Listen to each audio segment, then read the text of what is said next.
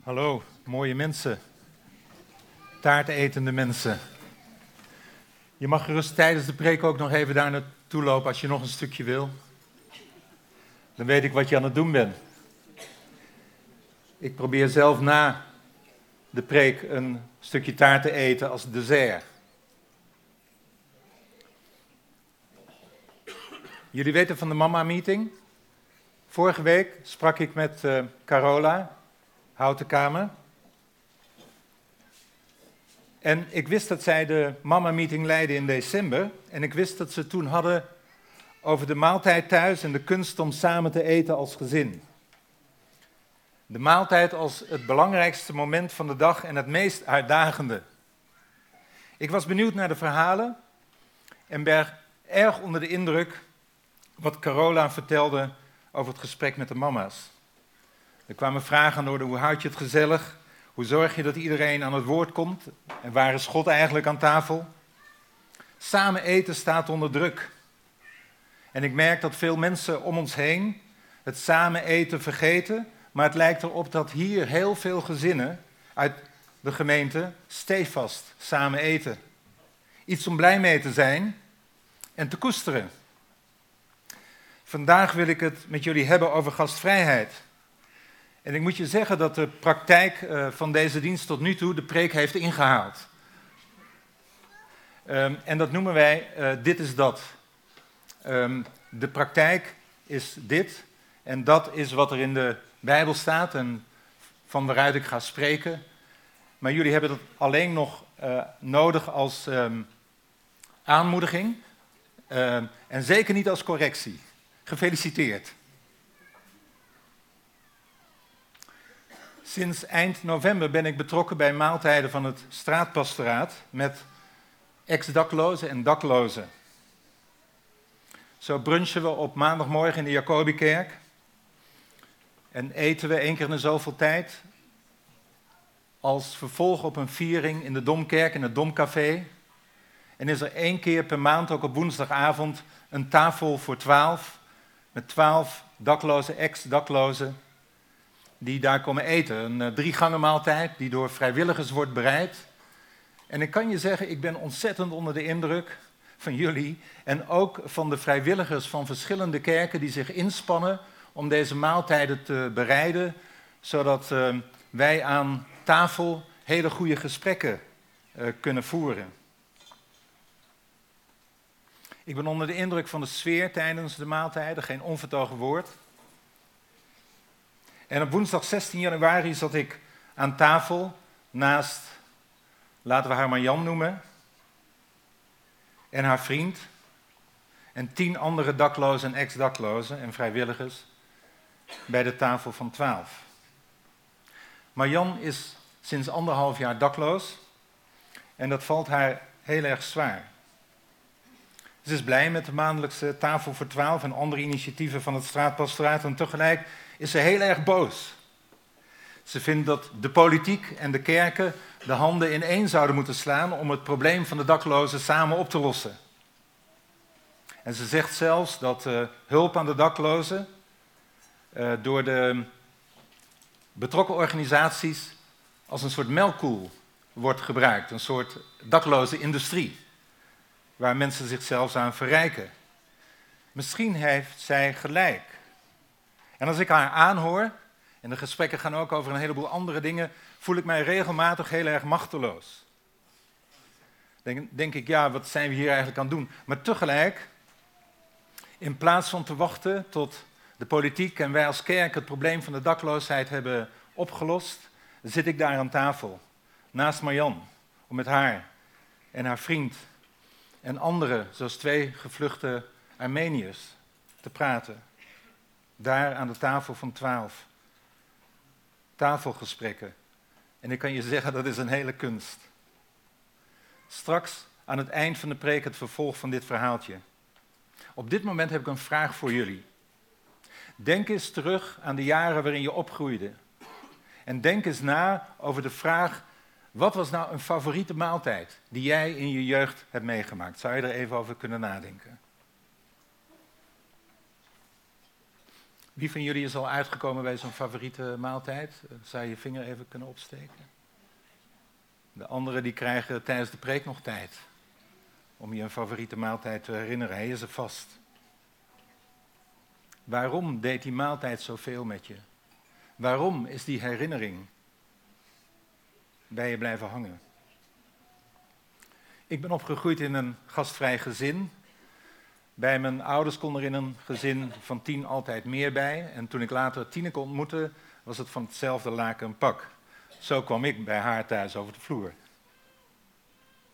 Misschien houd ik daarom wel zoveel van samen eten. Maaltijden zijn natuurlijk op zijn mooist wanneer iedereen meehelpt met de voorbereiding. Omdat ik de slechtste kok ben thuis, mag ik helpen met boodschappen doen, de tafel dekken en de afwasmachine in- en uitruimen. Kennen jullie eh, dit plaatje? Het is een icoon. Een van de straatpastors liet dat zien vanuit een boek van Henry Nouwen in het Huis van de Heer. Dat boek gaat over die icoon. En het is een icoon die staat voor de heilige drie-eenheid. Of het wordt ook wel, die icoon wordt ook wel de gastvrijheid van Abraham genoemd. Geschilderd door de vermaarde iconenschilder André Roeploff, eind 14e, begin 15e eeuw. Het verband tussen de afbeelding op de icoon, het lijkt eerder op een voorstelling van drie engelen, en de heilige drie-eenheid is niet meteen duidelijk. Voor een goed begrip moeten we teruggaan tot Genesis 18, waar Abraham drie bezoekers ontvangt met wie hij converseert als met één persoon. De heilige drie-eenheid slaat op de Vader en de Zoon en de Heilige Geest.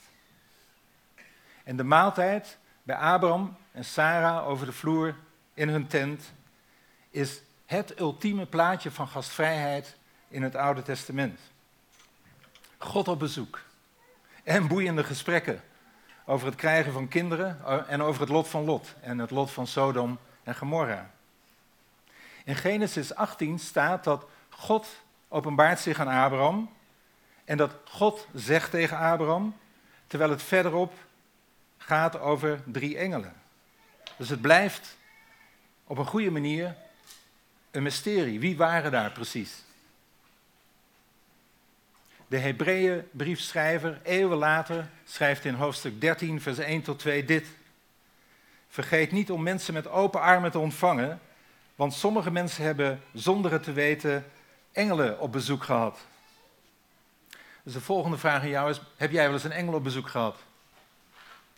Wie van jullie heeft wel eens een engel op bezoek gehad? En voor degenen die het niet weten, je hebt vast een engel op bezoek gehad, alleen weet je het niet. Dat staat in deze tekst. Vrijdag kreeg ik een mailtje van Ray, Raymond van Woudenberg, met deze strip. Als je de preek thuis luistert via de site, dit is een weergaloze strip van Ray. Kijk rustig.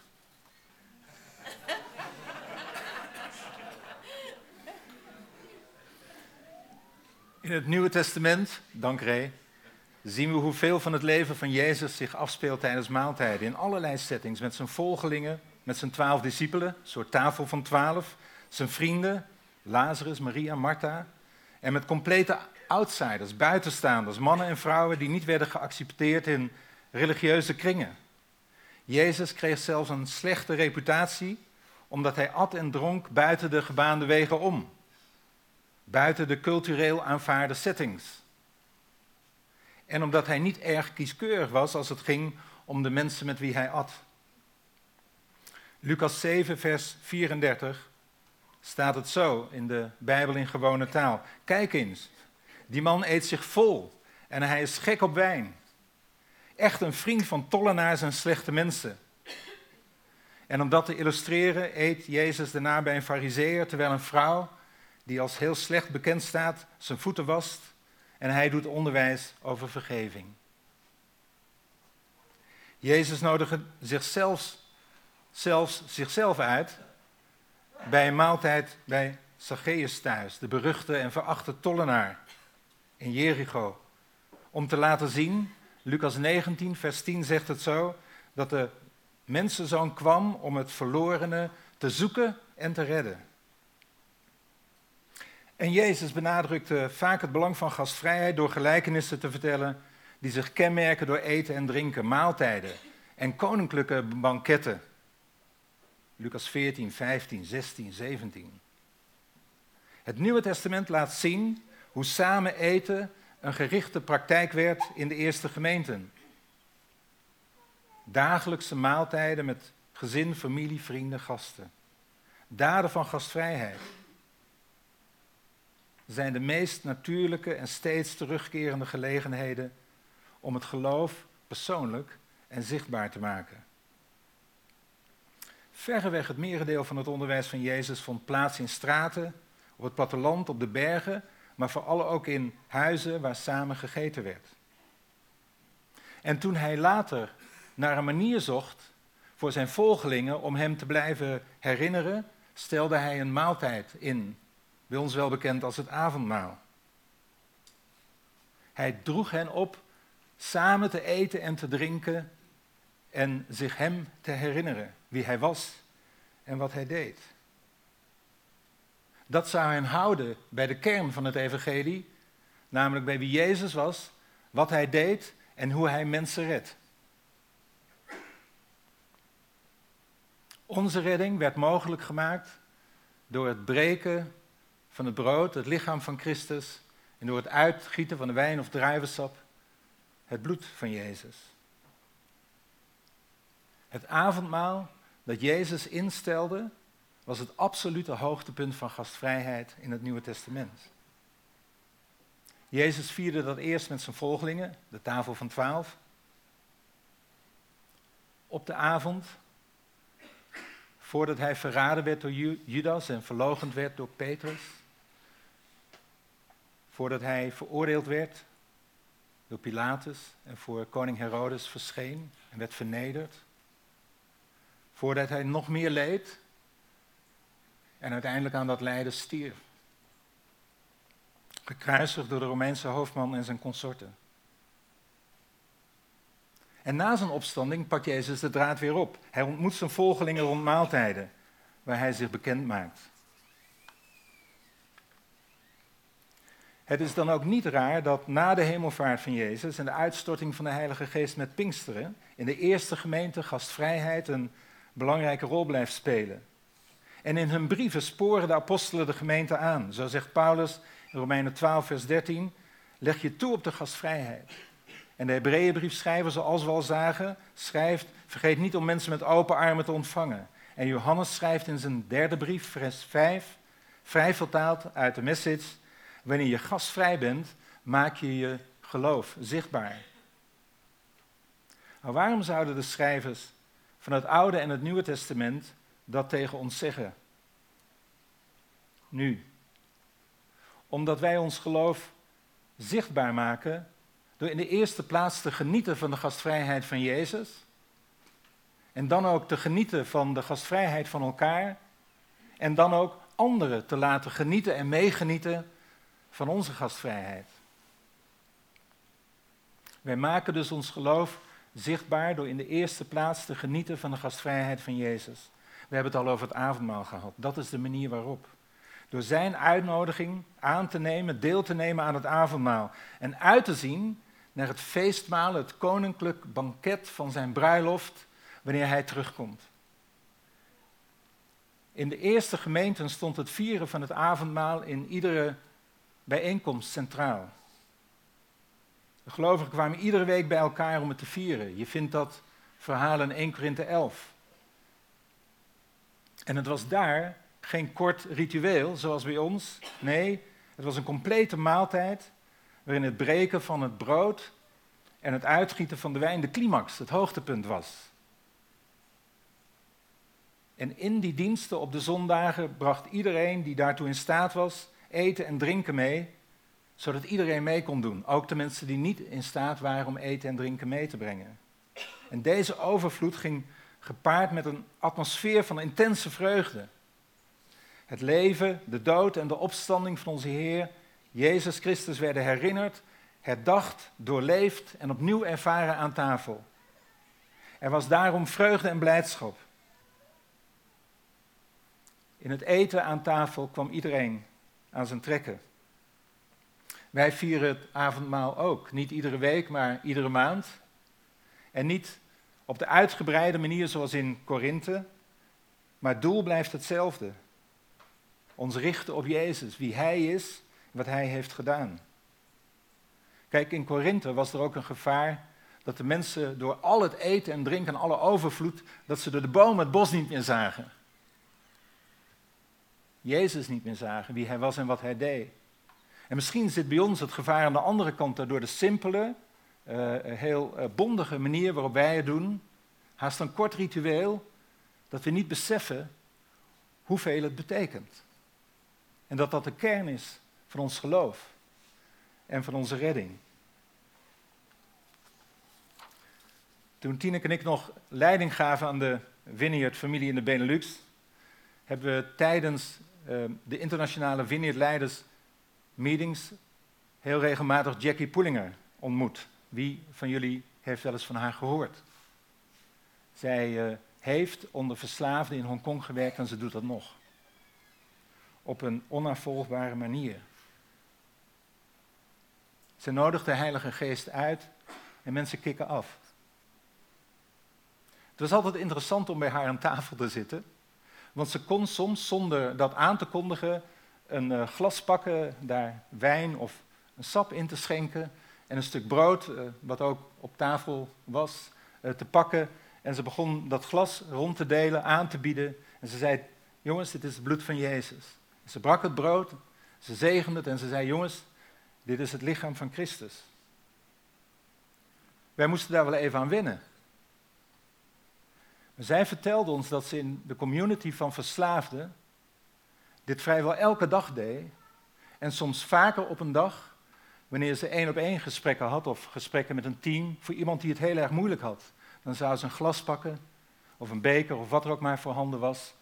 En ze zou iets te eten pakken en ze zou het uitreiken. En ze zou samen met die mensen avondmaal vieren. Waarom?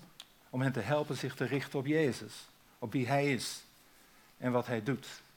Zij vertelde ons dat ze daartoe was geïnspireerd door het verhaal van de Emmersgangers in Lucas 24. Kennen jullie dat verhaal nog? Na zijn opstanding verscheen Jezus aan twee vrienden. En ze wandelden en ze waren in gesprek. En toen ze bij het dorp Emmaus kwamen, deed Jezus alsof hij verder wilde gaan. Maar de twee leerlingen hielden hem tegen en zeiden: Blijf toch bij ons, want de dag is voorbij. Het wordt al donker. En toen ging Jezus met hen mee. En dan? Ze eten en tijdens het eten nam Jezus het brood. Hij dankte God, brak het brood in stukken, deelde het uit. Op dat moment herkenden de leerlingen Jezus. Maar direct daarna zagen ze hem niet meer. De twee leerlingen zeiden tegen elkaar: Had jij onderweg ook al zo'n bijzonder gevoel? Er was iets toen hij met ons praatte en de heilige boeken uitlegde. Toen de opgestane Jezus met hun opliep, herkenden ze hem nog niet. Pas toen ze hem uitnodigden om te komen eten, werden hun ogen geopend. Daar gaat het bij het avondmaal om, dit toppunt van gastvrijheid in het Nieuwe Testament. Dat wij met Jezus eten, dat wij Hem herkennen, het hart van onze redding. Als we dit niet herkennen, als we Hem niet herkennen in het avondmaal, dan laten we hem als het ware buiten staan, terwijl hij ernaar verlangt om met ons te eten. Openbaring 3, vers 20 tot 21 verwoordt dat zo in de Bijbel in gewone taal. De opgestane Jezus zegt vanuit de troon, ik sta aan de deur en klop aan. Als iemand mijn stem hoort en de deur opent, zal ik binnenkomen en we zullen samen eten. Ik met hem, met haar en hij, zij met mij. Het meest intieme plaatje van een diner voor twee. Eten met ons is in de eerste plaats zijn verlangen. En het avondmaal, het vieren van Jezus, is het fundament voor iedere andere vorm van gastvrijheid. Het wijst terug naar wie Jezus is en wat hij heeft gedaan. En tegelijk wijst het vooruit naar de toekomst. Openbaring 19, vers 9, Bijbel in gewone taal. Daarna zei een engel tegen mij, zegt Johannes, schrijf op. Gelukkig zijn de mensen die uitgenodigd zijn voor het feestmaal op de bruiloft van het lam. En hij voegt eraan toe, dat heeft God gezegd en het is betrouwbaar. Je bent uitgenodigd voor het koninklijke bruiloftsbanket. We maken ons geloof dus zichtbaar door te genieten van de gastvrijheid van Jezus aan het avondmaal en straks aan het banket. We maken ons geloof ook zichtbaar door elkaar te laten genieten van onze gastvrijheid. De apostelen schrijven in hun brieven, niet vergeten, leg je erop toe. En in Handelingen 2, vers 46 en 47 in de Bijbel in gewone taal lezen we, Janneke las die tekst nog, zondag 13 januari, twee weken geleden bij het vieren van het avondmaal. Elke dag kwamen ze trouw en eensgezind samen in de tempel, braken het brood bij elkaar aan huis en gebruikten hun maaltijden in een geest van eenvoud en vol vreugde. Ze loofden God, stonden in de gunst bij het hele volk. En de Heer breidde hun aantal dagelijks uit met mensen die gered wilden worden. Eigenlijk zie je daar het verband tussen gastvrijheid, dagelijkse gastvrijheid en dagelijkse gemeentegroei. Ik vroeg jullie aan het begin van de preek naar favoriete herinneringen en ik hoop dat ieder van jullie er één opgeduikeld heeft. Een van mijn favoriete maaltijden was in 1971, zo'n kleine 50 jaar geleden. En dat is zeker niet mijn laatste herinnering aan een maaltijd. Tineke en ik waren betrokken, ik heb daar wel eens wat vaker over verteld, bij een bijbelsmokkel-expeditie in de tijd van dictator Nicola Ceausescu in Roemenië. En dat was niet zonder gevaar, niet voor ons, maar ook niet voor de mensen die we daar ontmoetten, die we daar bezochten en aan wie we de Bijbels en Bijbelse lectuur afleverden. En op een van de zondagen, het was na een dienst in een ondergrondse kerk, werden we uitgenodigd bij een gezin thuis. Ik zie ons nog zitten, buiten in de tuin, onder een pergola, een ommuurde tuin. En we waren met z'n twintigen. En het gezin uh, putte zich uit om te bedienen. En zodra er een glas ook maar een beetje leeg was en een bord een beetje leeg was, werd er opnieuw uh, drank en voedsel aangereikt. Er werd steeds gevraagd of we nog meer wilden. Het gastgezin at zelf niet mee, maar bediende. En toen ik aan het eind van de maaltijd op zoek was naar het toilet, kwam ik langs de keuken en dan zag ik opa en oma en de kinderen van het gezin eten van de restjes die van onze tafel kwamen. Ik ben daar nog steeds diep van onder de indruk. Later begreep ik uh, dat zij misschien voor de volgende dag wel geen eten hadden. Maar dat ze alles wat ze hadden, hadden weggegeven. Wij worden hier in de volksmond wel koffiekerk genoemd. Dat weten jullie. Omdat wij koffie en thee en water aanbieden voor, tijdens en na de dienst, gratis. Er zijn ook kerken waar je ervoor moet betalen. Kijk, jullie hebben vanmorgen niet voor de taart betaald. Hè? Het was om gastvrijheid in Rwanda te stimuleren. Ik kan me best voorstellen dat je wel eens denkt, is dat niet te veel van het goede, elke, dag, elke zondag koffie? Of um, iedere zondag weer koffie zetten, service teams, en uh, na die tijd alles weer opruimen, wat een werk. Of hoeveel kost het wel niet? Waarom laten we niet voor de koffie betalen? Vaak weten we niet half hoe rijk we zijn met deze vorm van gastvrijheid. Niet om koffieverslaving te promoten, maar ons geloof zichtbaar te maken, om onze achterliggende waarden te uiten, dat geloven vooral persoonlijk is en relationeel.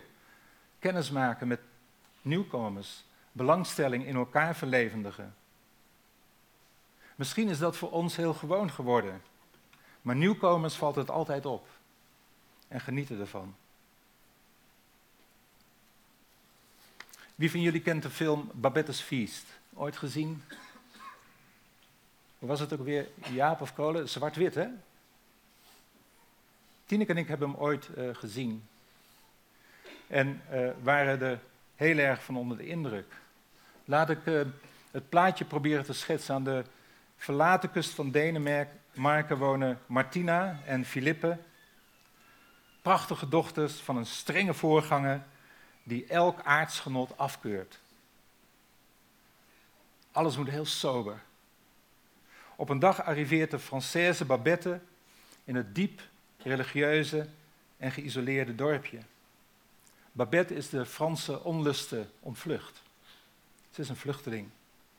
En de twee zussen besluiten haar onderdak aan te bieden in ruil voor huishoudelijk werk. En ze doet dat 14 jaar lang als persoonlijke huishoudster.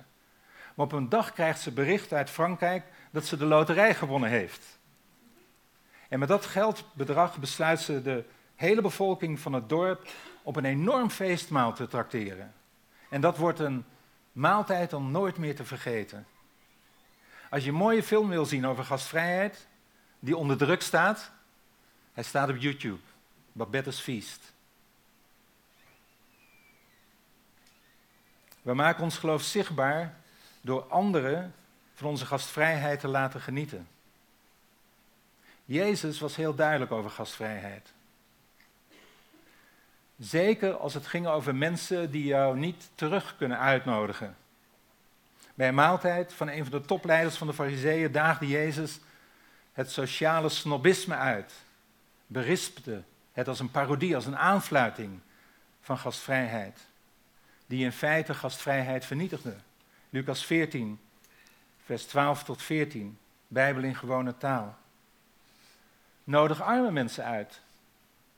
Jezus zei tegen de man die hem uitgenodigd had: Stel dat je mensen uitnodigt om smiddags of s avonds bij jou te komen eten. Vraag dan niet je vrienden, je familie of je rijke buren, want dan krijg je ook een uitnodiging om bij hen te komen eten. En zo krijg je iets terug voor je moeite. Als je mensen thuis uitnodigt, vraag dan arme mensen, zwervers en bedelaars. Het echte geluk is dan voor jou. Want die mensen kunnen niets voor jou terugdoen. Daarom zal God je belonen op de dag dat goede mensen opstaan uit de dood.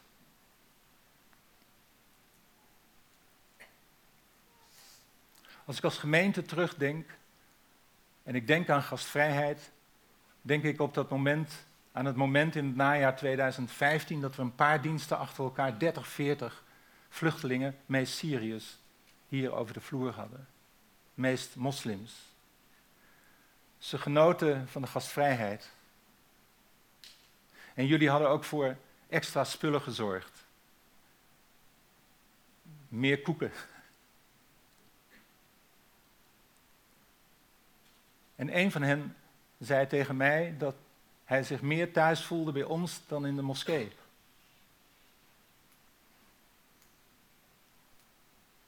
In een van die weken hebben Tineke en ik thuis tien van hen over de vloer gehad. Tien gevluchte Syriërs. En er waren ook tien van jullie, zodat iedereen een uh, gesprekspartner had aan tafel. En er was een maaltijd. Ik denk dat het een hoogtepunt was voor de gemeente. En ik hoop dat dat soort hoogtepunten ook nog weer terugkeren. Op een of andere manier. Ook als het niet hier op zondag is. Het was ook een van de hoogtepunten bij ons thuis. Wat een gesprekken. Wat een avond. Wat een schaamte ook, soms bij mezelf, waar ik moest afrekenen met vooroordelen. Wat de openheid bij hen om het over Jezus te hebben. Maar voordat we gaan samenvatten en een oproep doen, is hier het vervolg van mijn verhaal van het begin over Marian aan de tafel van twaalf. Zij vertelde mij dat ze een tijd naar een van de kerken in Utrecht ging op zondagmorgen. Ze vond het mooi, de preek, de mensen, de koffie. Tot het moment dat iedereen naar huis ging en zij weer op straat stond. En natuurlijk zul je denken, zijn er mogelijkheden voor Marian om uh, aan te schuiven in het smulhuis en te slapen in het snurkhuis. Iets netter gezegd, te sleep in. Natuurlijk zijn er mogelijkheden voor haar om via een wachtlijst uh, in aanmerking te komen voor een uh, huurwoning. Maar wist je, en natuurlijk weet je dat er worden zoveel goedkope huurwoningen aan de markt onttrokken door mensen die geld, dik geld aan het verdienen zijn. Aan het verhuren en verkopen van woningen. Dat zij langer moeten wachten. En Marjan zit zo in elkaar, ze voldoet niet aan alle regels en eigenlijk heeft ze ook een houding ontwikkeld om niet aan alle regels te willen voldoen. Ze zou het ook wel graag willen op haar manier.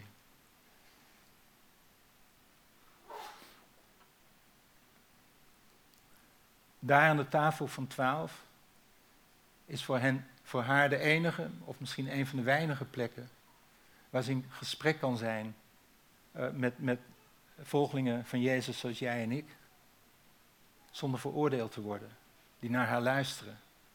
En die ook vrijheid met haar kunnen spreken uh, over wie Jezus is.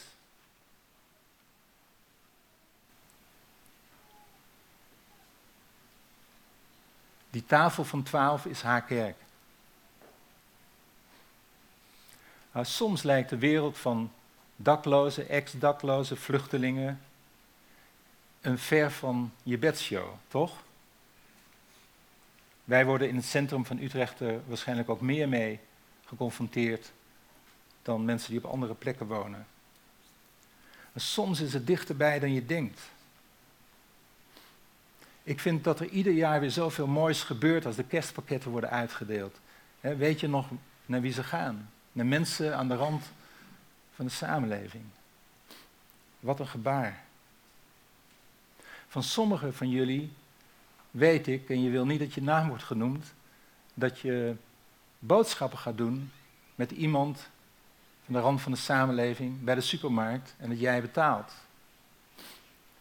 Van anderen weet ik dat je bij de HEMA een pasje hebt aangeschaft, een giftcard, daar 5 euro op hebt laten zetten, dat je er met een watervaste stift opschrijft, om op een moment dat je iemand tegenkomt die nog niet heeft gegeten, of die gewoon zin heeft om te lunchen, dat je kunt zeggen, hier, je kunt gaan lunchen uh, bij de HEMA. Uh, geniet ervan.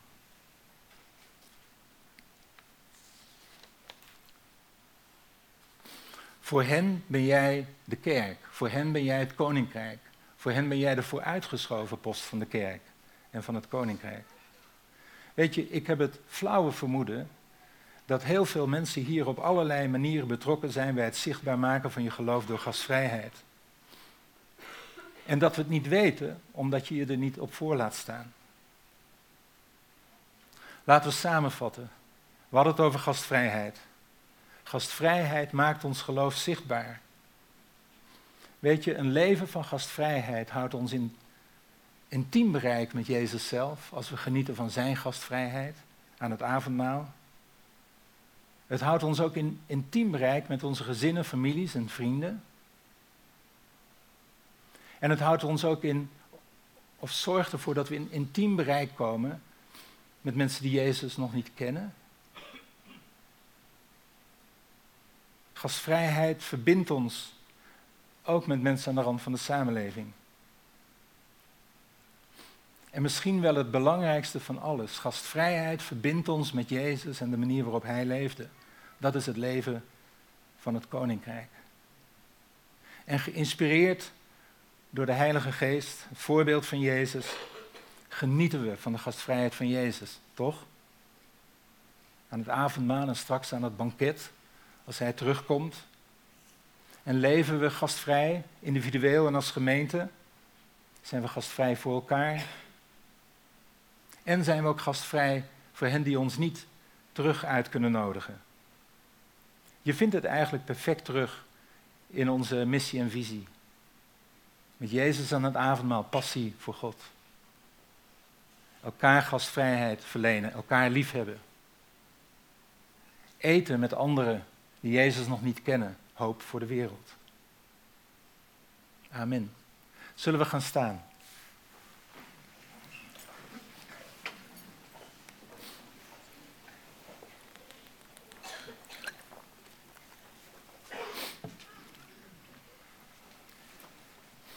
Ik hoef geen eh, oproep meer te doen. Zoals ik aan het begin al zei, de praktijk heeft de preek ingehaald.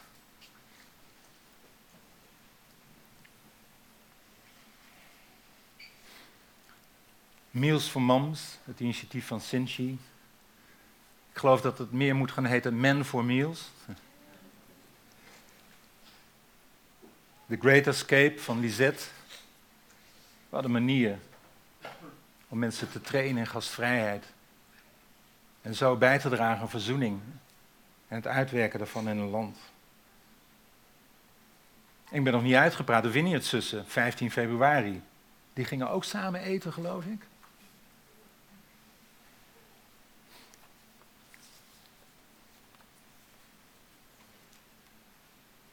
Wacht niet tot je de postcode, eh, postcode loterij wint, zoals Babette.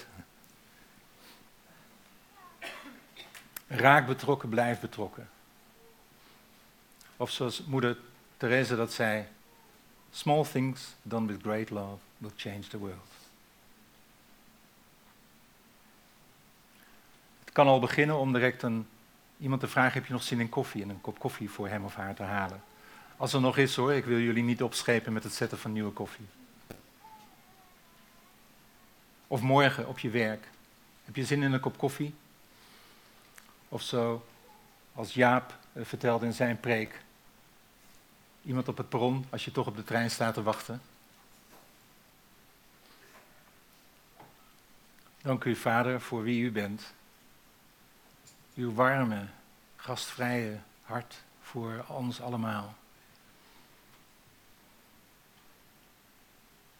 En wanneer je Jezus nog niet volgt, kom aan de hand van Jezus het hart van de Hemelse Vader binnenlopen, zou ik zeggen vanmorgen.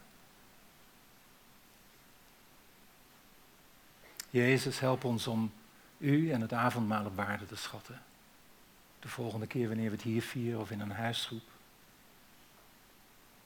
Of persoonlijk, met mensen. Hier in deze wereld vol haast, de fastfood wereld, bidden we dat we uw hart tot expressie brengen. Thuis, hier in de kerk en op straat. Kom, Heilige Geest. Verwarm ons hart opnieuw, ook als het afgekoeld is in de kille wereld om ons heen. Kom met de warmte van uw liefde. Maak, Heer, dat we thermostaten zijn en geen thermometers die zich aanpassen aan de temperatuur om ons heen. Maar thermometers die de temperatuur aangeven van uw hart.